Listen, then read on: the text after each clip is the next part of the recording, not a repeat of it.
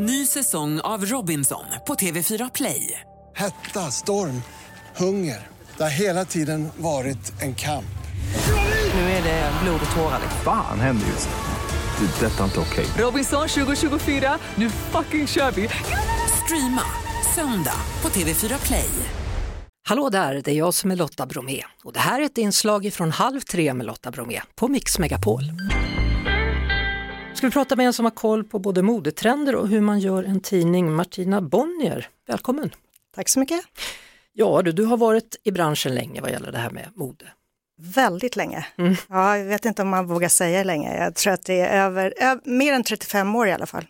Chefredaktör och modechef på Damernas Värld till exempel, släppt böcker och leder arbetet med det svenska designpriset Guldknappen. Och sen exakt ett år tillbaka är du chefredaktör för Vogue Scandinavia. Mm. Grattis till ettårsdagen! Tack så mycket.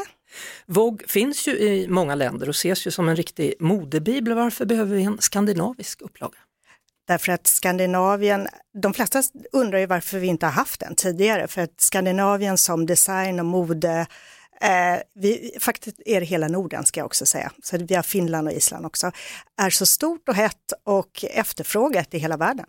Vad är det då som, vad betyder det liksom nordisk design, vad menar man då?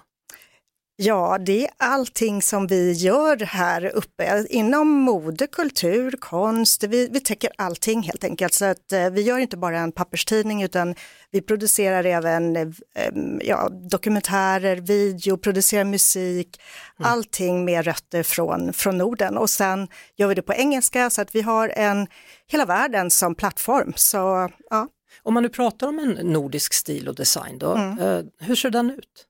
Är den stilren, inbillar jag mig? Ja, det finns ganska mycket fördomar att, att det är bara den här minimalistiska, rena stilen.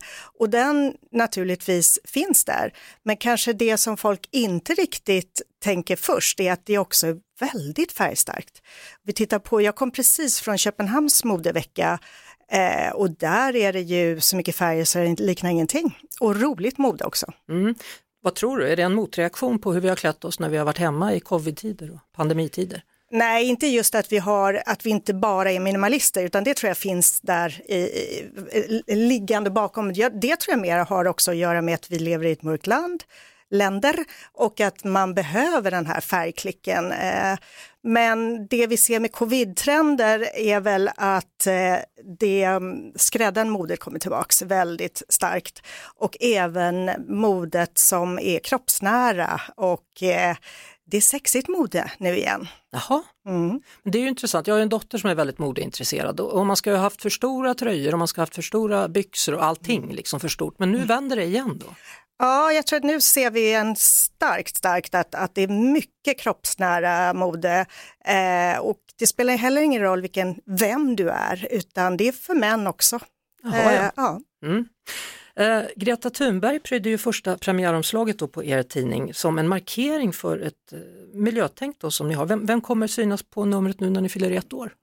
Ja, det skulle du bra gärna vilja veta. Det är klart jag vill. Det är klart jag Eh, vill. Ja, nej, jag eh, kan säga att eh, vi- har ju, vi är ju plastfria, vi är faktiskt den enda tidningen, så vi har gjort om, annars får man ju en tidning i en plastpåse så att säga. Så vi har en eh, papperspaket som man får sin tidning i skickat.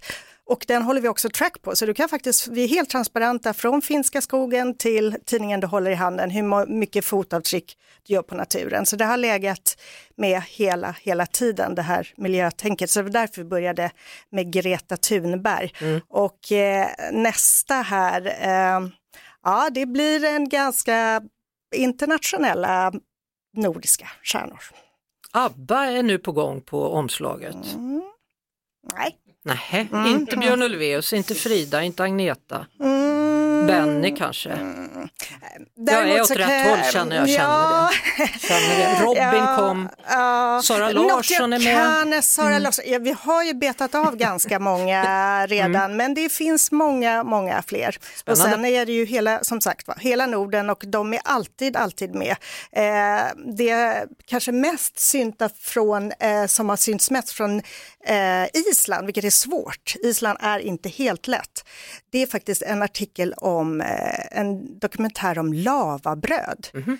de, eh, det bakas i en vulkan. Oj, spännande. Mm. Mm. Jag är i alla fall säker på att det inte kommer vara Lordi på framsidan tror jag. Från Finland. Det, kan du faktiskt aldrig veta. det kan jag faktiskt inte.